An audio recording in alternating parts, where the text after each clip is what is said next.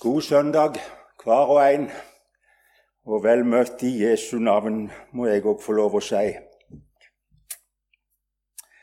Herre Jesus, vi fortsetter å vende oss til deg og ber om at du ved din gode ånd kunne få lov å tale ditt ord inn i våre hjerter nå i formiddag. Gjør det stilt i oss og omkring oss, så vi både kan tale rett og høre rett. Det ber vi om i Jesu navn. Amen.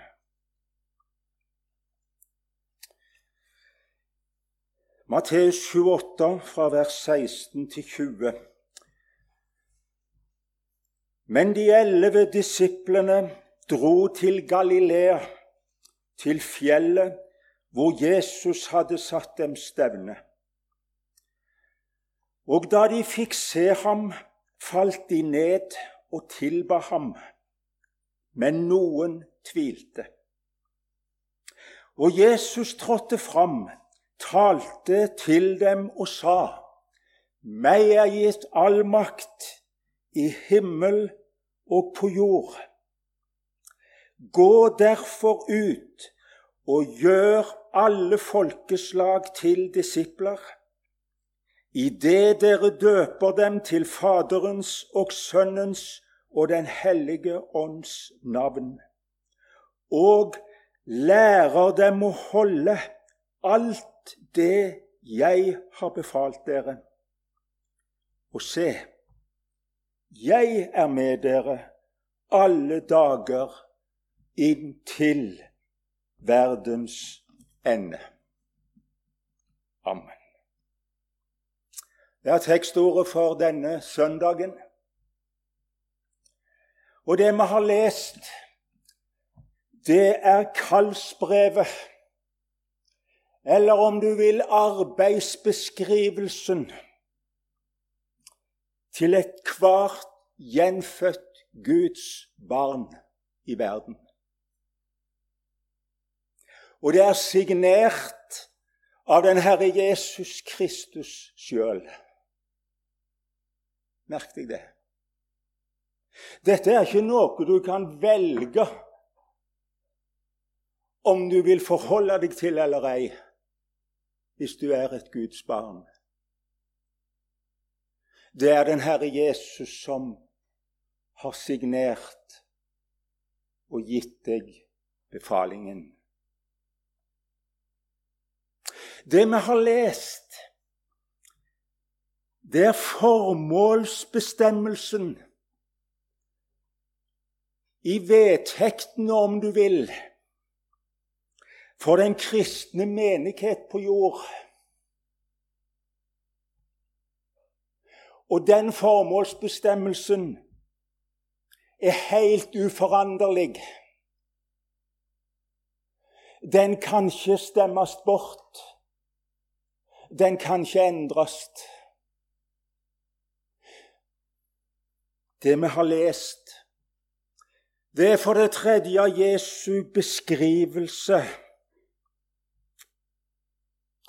av hvorfor han enda drøyer med sin gjenkomst.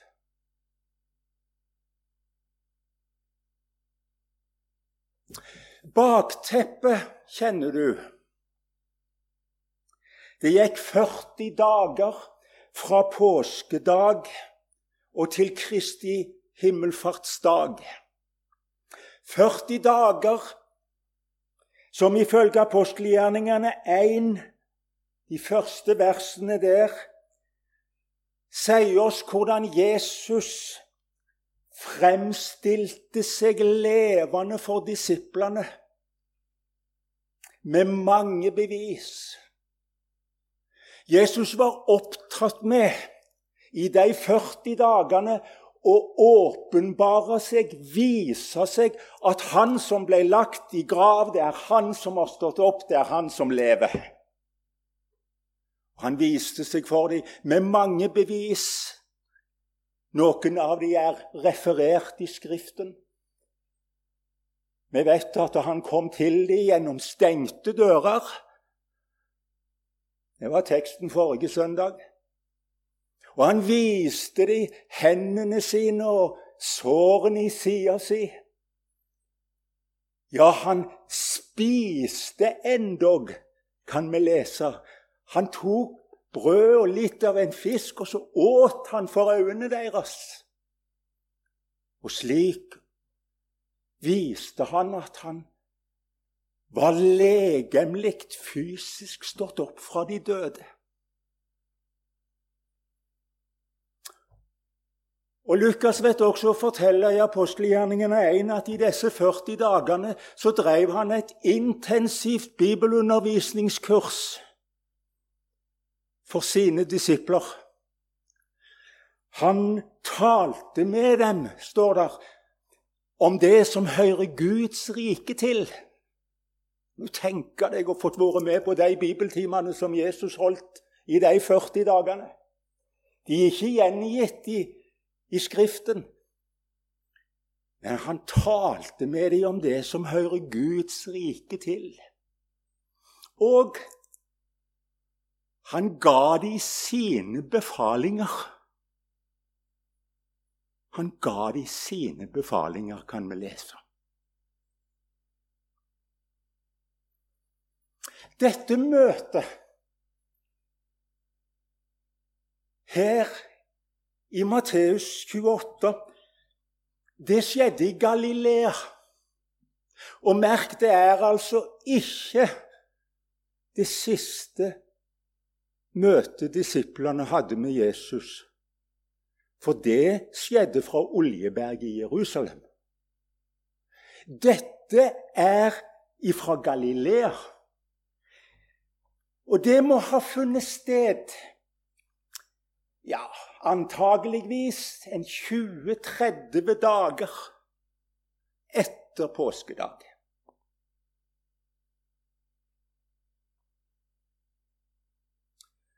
Disiplene var jo i Jerusalem, og de trang flere dager å gå til Galilea. Det var ingen korttur.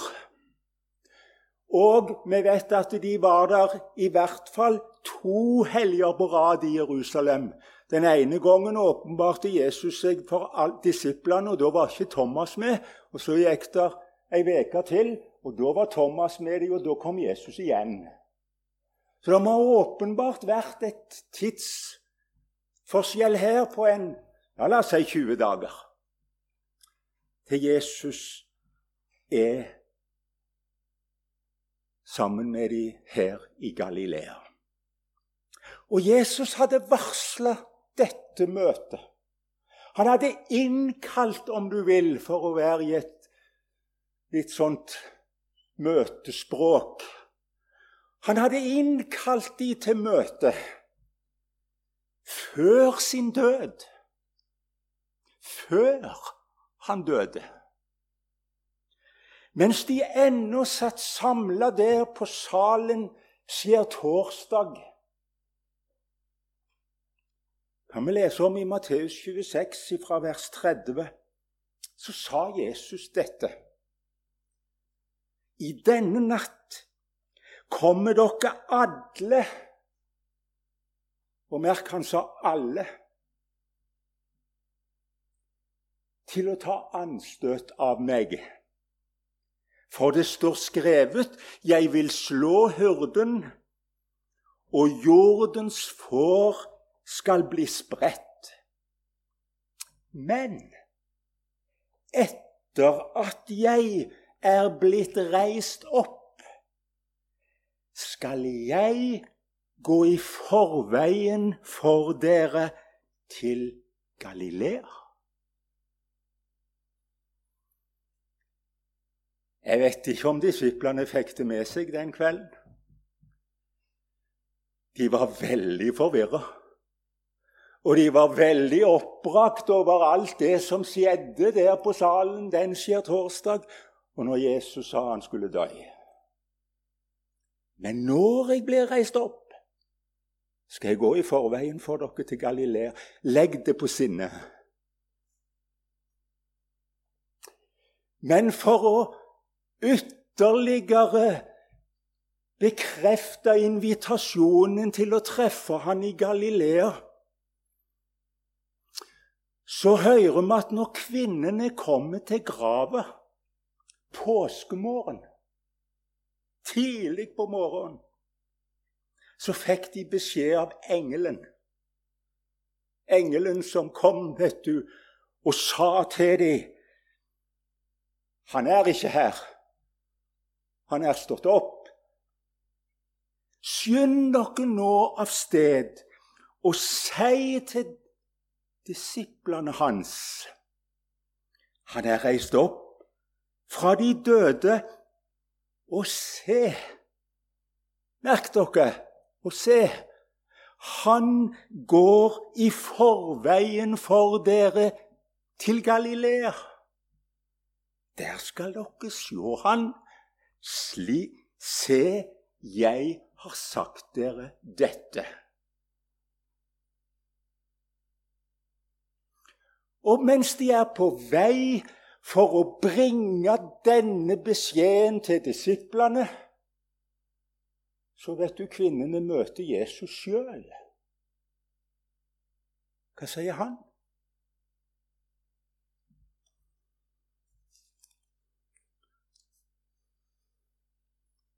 Frykt ikke. Gå og si til mine brødre at de skal dra til Galilea. Der skal de se meg. Tre ganger, altså. Varsles dette møtet. Og de var lydige. Tydeligvis var de lydige. Nå er de kommet dit, til fjellet der Jesus hadde satt dem stevne, står der.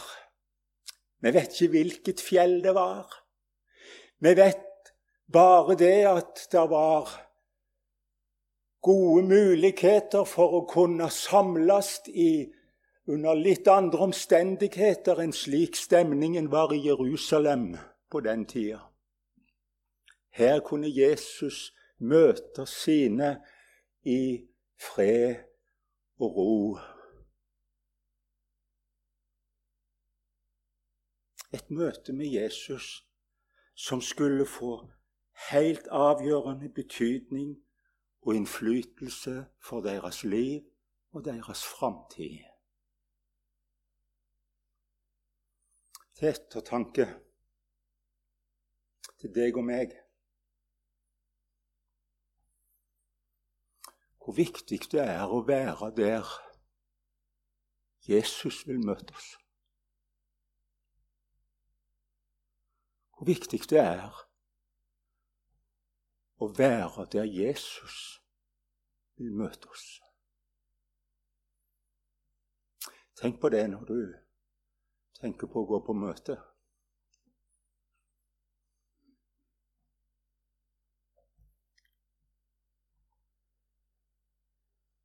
Alt tyder på at det var flere enn hans disipler på dette møtet. Alt tyder på at det er dette stormøtet som Paulus viser til i 1. Korinterbrev 15, der han lister opp de mange som Jesus åpenbarte seg for, og som kunne bekrefte og se hans legemlige oppstandelse. Han sier bl.a. at han ble sett av mer enn 500 på en gang. Av dem lever de fleste ennå, skriver Paulus når han skriver Korinterbrevet. Men noen av de har sovna inn. Og bibellærerne er stort sett enige om at det er denne hendelsen i Galilea der det var disse 500. For det første så var det mange flere etterfølgere av Jesus i Galilea enn de som var i Jerusalem.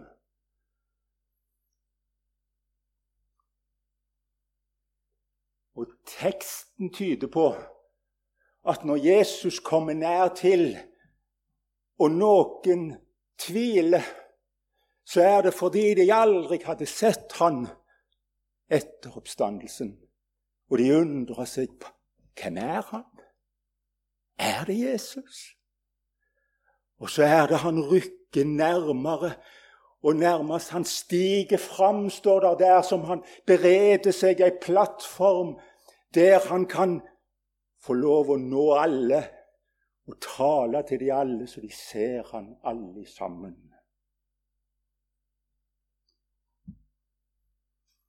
Meg er gitt all makt i himmel og på jord. For en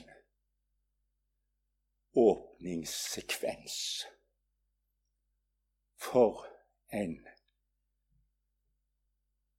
et uttrykk som Jesus bruker om seg sjøl. Han påberoper seg aleine å ha suveren makt. Å være den med suveren autoritet. Meg er gitt all makt. Og han sier både i himmelen og på jorda. Der er ingen over og ingen ved siden. Der er ingen i nærheten av som kan påberope seg en slik makt og myndighet som den den Herre Jesus står fremme her etter oppstandelsen.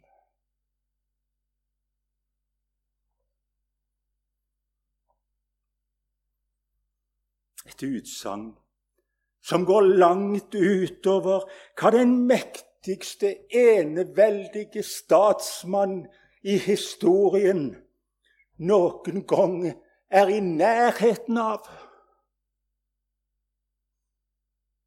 Det er han som har alt i si hånd. Det er han som styrer historien og føre den til sitt endelige mål. Det har han med å gjøre.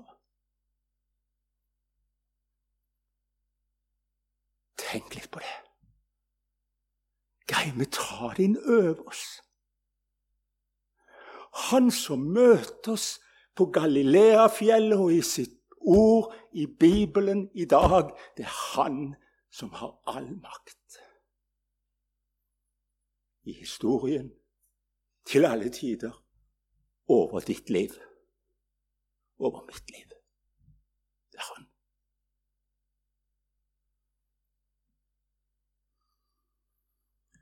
Vi vet noe om hans autoritet og rekkevidden av den gjennom det vi leser om han mens han var på jord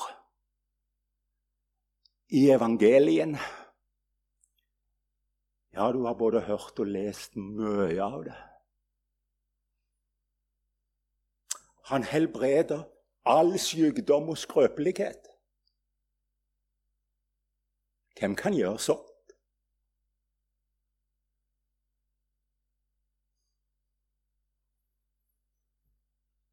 Han dreiv ut vonde ånder. Og de vonde åndene frykta Jesus og ingen andre.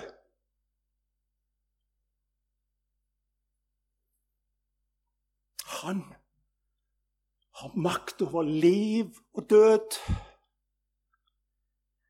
Han ropte Lasarus ut av grava. Kom ut! Og han kom ut. Det er han.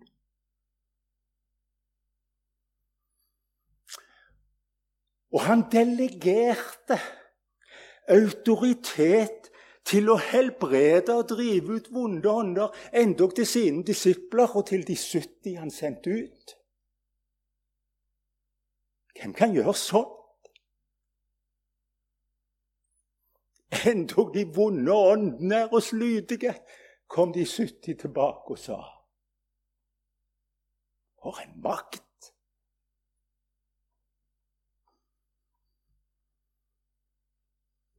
Og hør Han, og bare han, har makt på jord til å tilgi synd.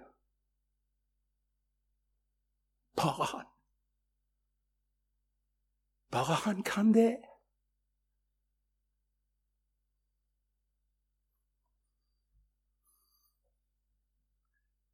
Han har makt over naturlovene. Det demonstrerte han òg. Du husker når de var ute og fiska på Genesaretsjøen? Fikk ingenting. Og Jesus sa, 'Du, kast garnet på andre sida.' Nytter det? Jesus styrte fisken i Genesaretsjøen rett inn i disiplenes garn, så de har aldri fått så mye fisk. De holdt på å gå unna. Han stilte Genesaretsjøen med et ord. Bli still. Han la seg damstille. For en makt! Og det er han. Det er han som òg har fått makten til å gjennomføre alt det han har sagt må gjøres før han kommer igjen. Da denne verden skal gå under, er han.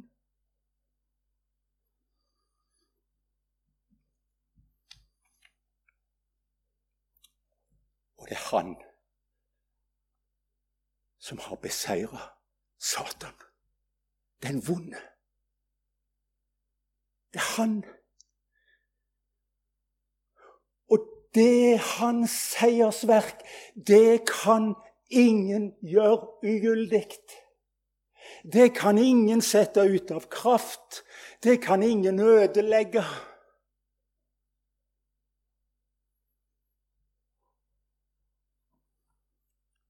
Han har fått hele dommen.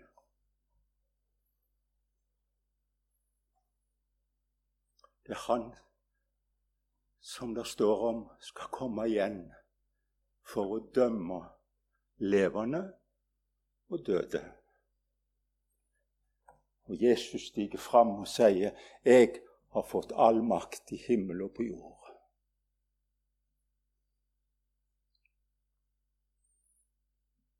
Jesus proklamerer der og da oppfyllelsen av profetens ord i Daniels bok, kapittel 7, der det står om at Daniel, som ser en som ligner en menneskesønn, som kommer med himmelens skyer, og som kommer bort til den gamle av dage og ble ført fram for han.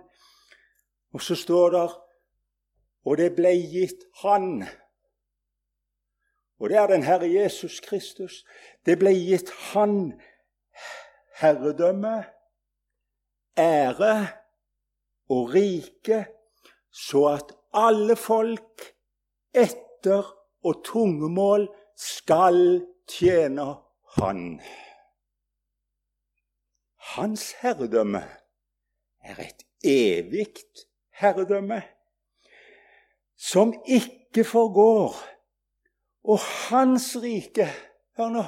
Det er et rike som aldri går til grunn. Alle andre riker forgår, men ikke hans. Ikke hans. Guds rike består, du.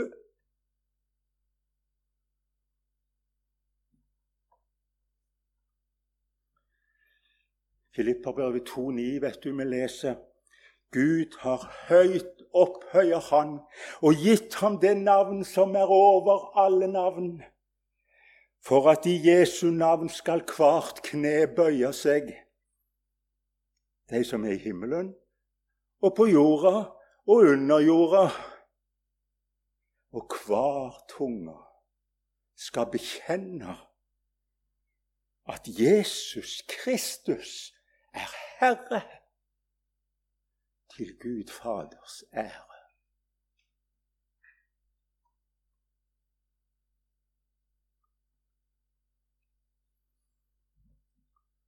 Etter å ha presentert seg som den som har all makt og myndighet i himmelen og på jorda, så gir han de følgende befaling.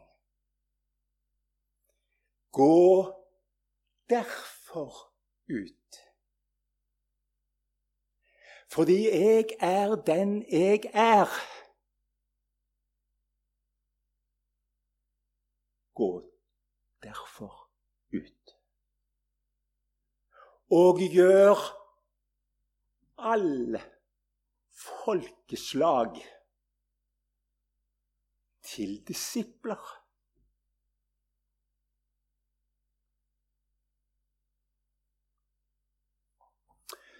Påskedagskvelden, da han kom inn gjennom stengte dører, slik vi leser om det i Johannes 20, da ga Jesus de òg misjonsbefalingen, som vi kaller den. Da sa han det slik. Her er Johannes sin versjon. Likesom Faderen har utsendt meg, sender også jeg dere. Wow. Tygg på den. Likesom, på samme måte som jeg er blitt utsendt av Far i himmelen så sender jeg nå dere ut til verden. For en sammenligning!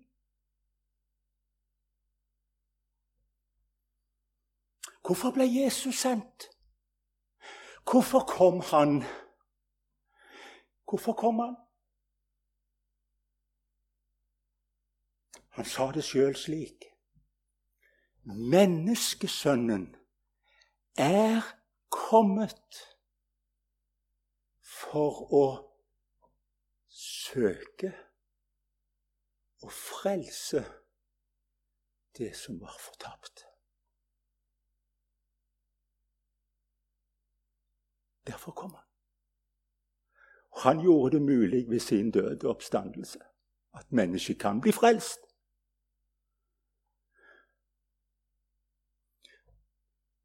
På samme måten sender jeg dere. Ikke for å gjøre frelsesverket om igjen. Det er fullt ut godt gjort og ferdig. Skal aldri gjentas. Men for å søke å frelse det som er fortapt. Det er vårt oppdrag òg. Søke det fortapte søke deg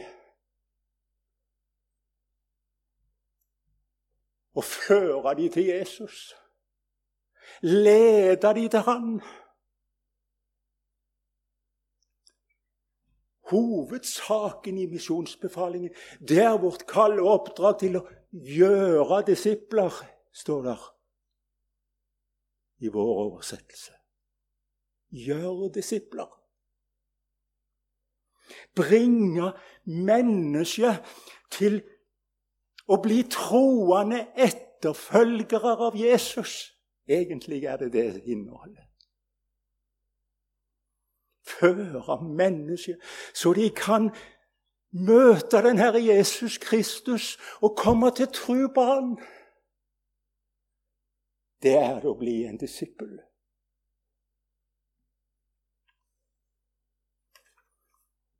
Hvordan skal vi gjøre det? Hva slags virkemidler utstyrer Jesus disiplene med for å utføre et så kolossalt oppdrag?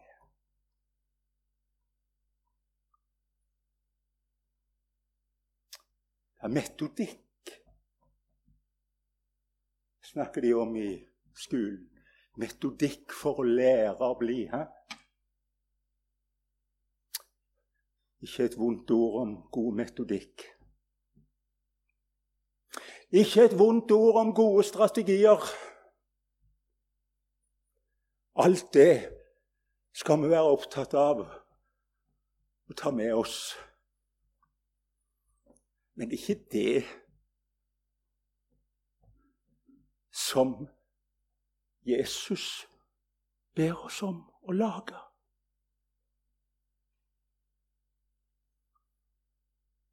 Hvordan forsto disiplene dette oppdraget som han ga dem? Og Jeg syns det er kanskje den beste måten å se hvordan vi skal utføre dette oppdraget. Det er å lære av hvordan disiplene eller apostlene gjorde det. Da er vi i hvert fall på trygg grunn.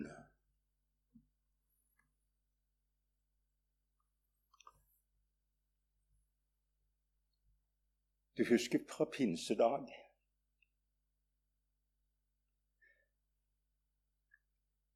Hva var det som førte til 3000 mennesker kom til tru pinsedag? Var det Peters kløktige talekunst?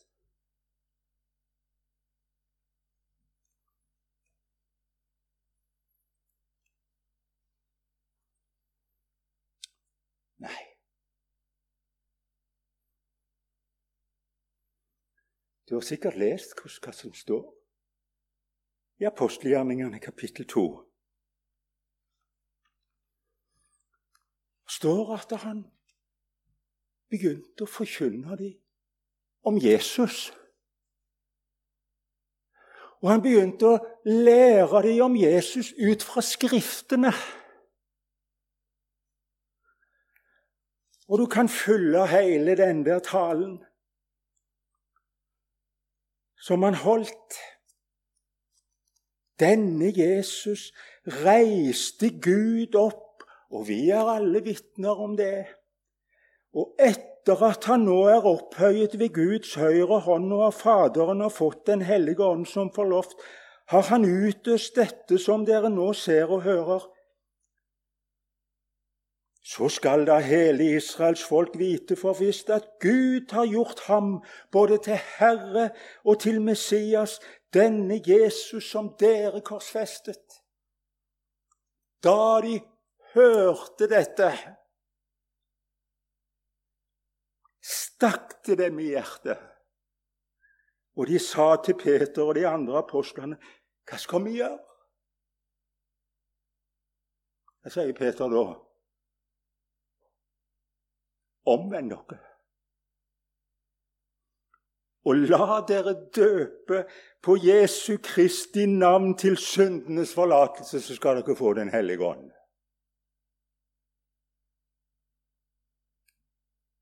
Forkynte ordet om Jesus Kristus, hans død og oppstandelse. Og så brukte Den hellige ånd det ordet om Jesus og førte det rett inn i hjertet til tilhørerne. Kapittel 8 i apostelgjerningene kommer Philip ned til Samaria. Det var det andre leddet vet du, i, i oppdraget. Begynne i Jerusalem og fortsette i Samaria, Judea. Kommer Philip ned til Samaria. Ja, hva, gjorde han? Satte i gang en stor kampanje. Ikke et vondt ord sagt om gode møtekampanjer. Men hva gjorde Philip? Det står så enkelt i min bibel det står at han forkynte Kristus for dem. Så kom vekkelsen til Samaria. Forkynte Kristus for dem. En til. Apostelgjerningene 10 Peter, vet du, som kommer til hedningen Kornelius, der han absolutt ikke skulle sette sin fot innenfor en hedningedørstokk. Så vet du, han blir ført ned til hedningen Kornelius. Og Peter må bøye seg i støvet for hvordan Gud fører han og leder han. Og så sier han til Kornelius Du må lese alt. Jeg tar to vers.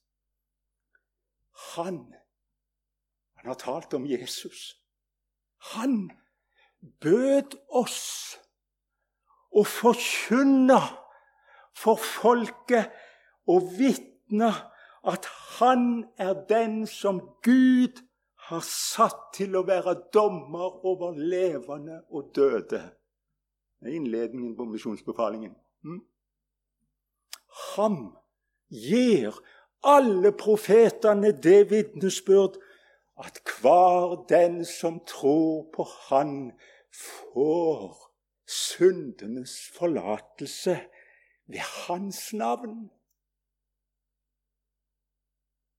Så står det mens Peter ennå talte disse ord, falt Den hellige ånd på alle som hørte ordet. Hvordan skal du gjøre disipler? Hvordan gjør vi disipler? Fortell evangeliet om Jesus til dem. Forkynn evangeliet om Jesus Kristus, hvem han er. Det er ved det ordet at et menneske kan få del i det viktigste av alt i livet, nemlig syndens forlatelse.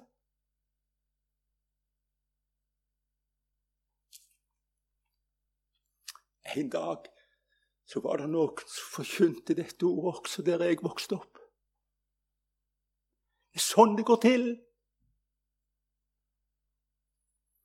Bibelen kjenner ett virkemiddel, og det er ved forkynnelsen av Guds ord.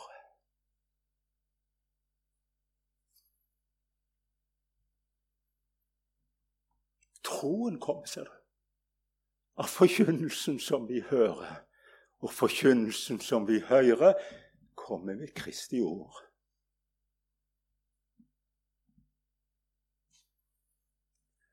Og så Kjære folk Her er jo kolossalt mye i denne som vi skulle vært innom. Men legg merke til at befalingen gjaldt alle folkeslag. Alle folkeslag. Og når Bibelen taler om alle, så er det ingen unntak. Ingen geografiske, språklige, kulturelle begrensninger. Hedningefolkene òg, altså. Og for disiplene og for jødene så skal jeg love deg å si at det der var ikke enkelt. Hedningefolkene. De ureine.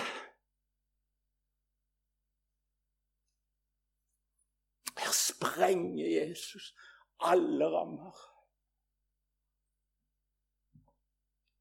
Og ingen som kjenner Det gamle testamentet og frelseshistorien, skulle la seg overraske av det. Jeg skal ta med bare ett vers fra profeten Jesaja. I denne mektige Messias-profetien i Jesaja 49, vers 6. Det er for lite at du er min tjener til å gjenreise Jakobs stammer og føre den frelste rest av Israel tilbake. Jo, deg òg.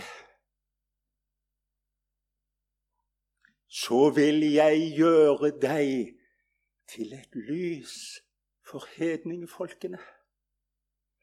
For at min frelse må nå til jordens ende er sagt 700-800 år før sjonsbefalingen.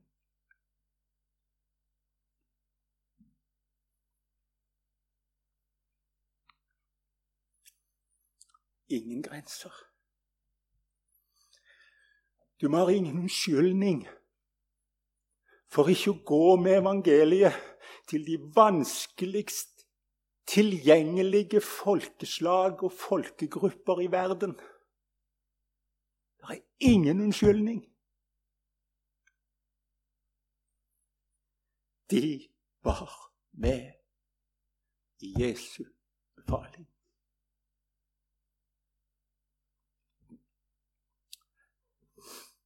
Jeg har stått med noen slike grenser der det ble meg fortalt at bakom det fjellet der Det er, så vidt vi vet, aldri evangeliet blitt forkynt.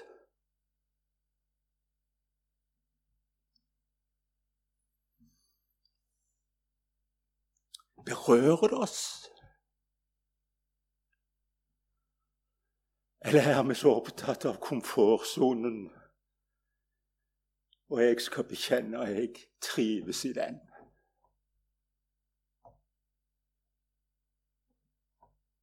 Alle folkeslag.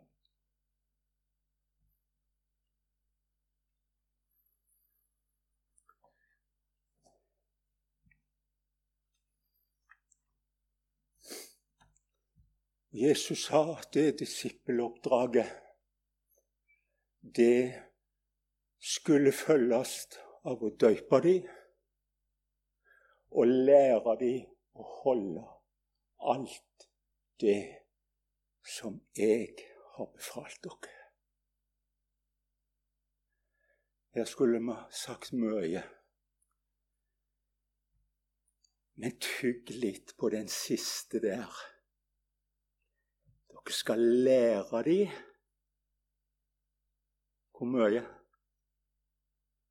Alt det som jeg har befalt dere. Ikke lett å bli ferdig med det oppgaven. Hm?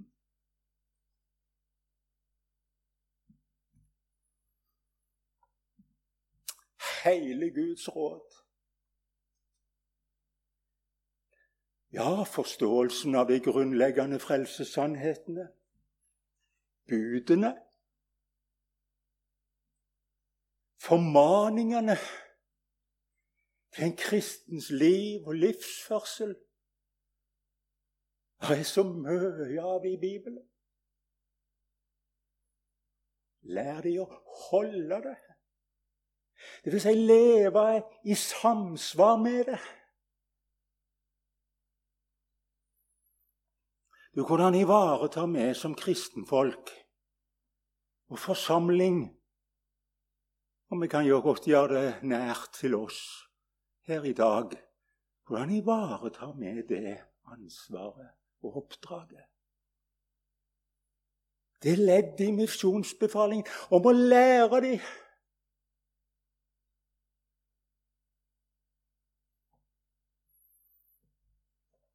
Hvordan kommer med de kristne heimene, foreldrene som døyper barna sine. Hvordan kan vi komme dem til hjelp?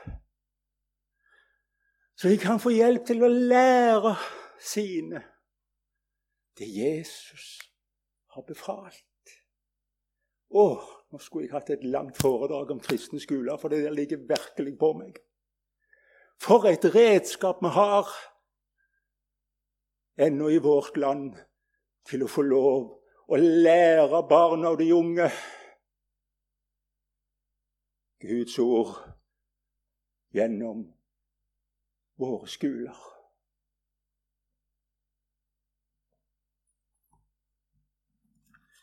Tida mi gått. Jeg er for lenge allerede.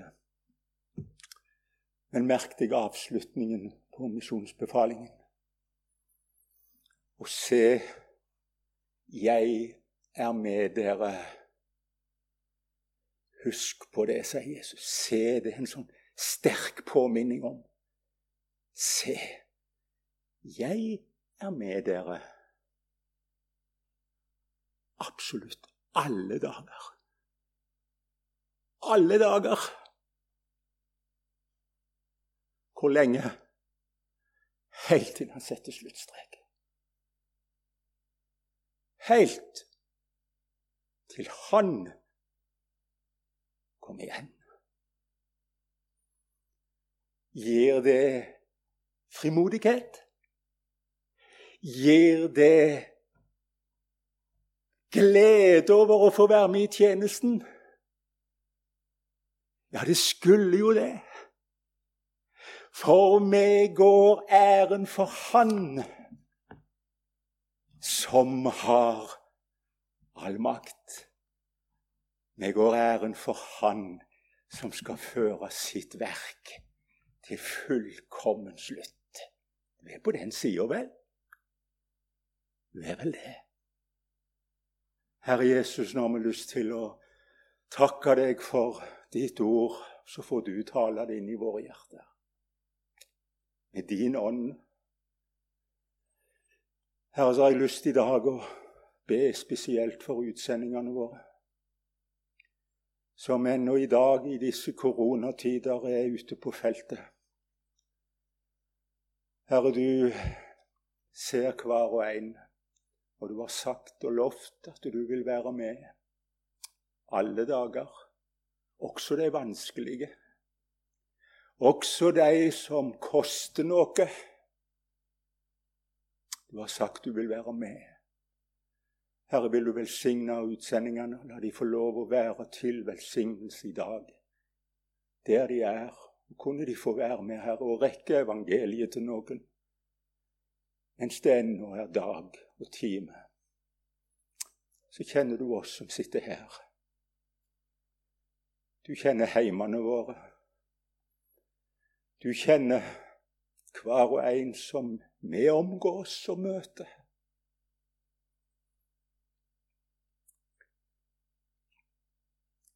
Så skulle vi være vitner for deg. Ja, endog gjøre disipler. Herre, vil du hjelpe oss i hverdagen vår, i min hverdag? Vil du se til mine naboer, til deg, Herre, som lever uten Gud og uten håp, i min nærhet? Herre Jesus, må du tale dette inn til hver og en av oss i ditt navn. Amen.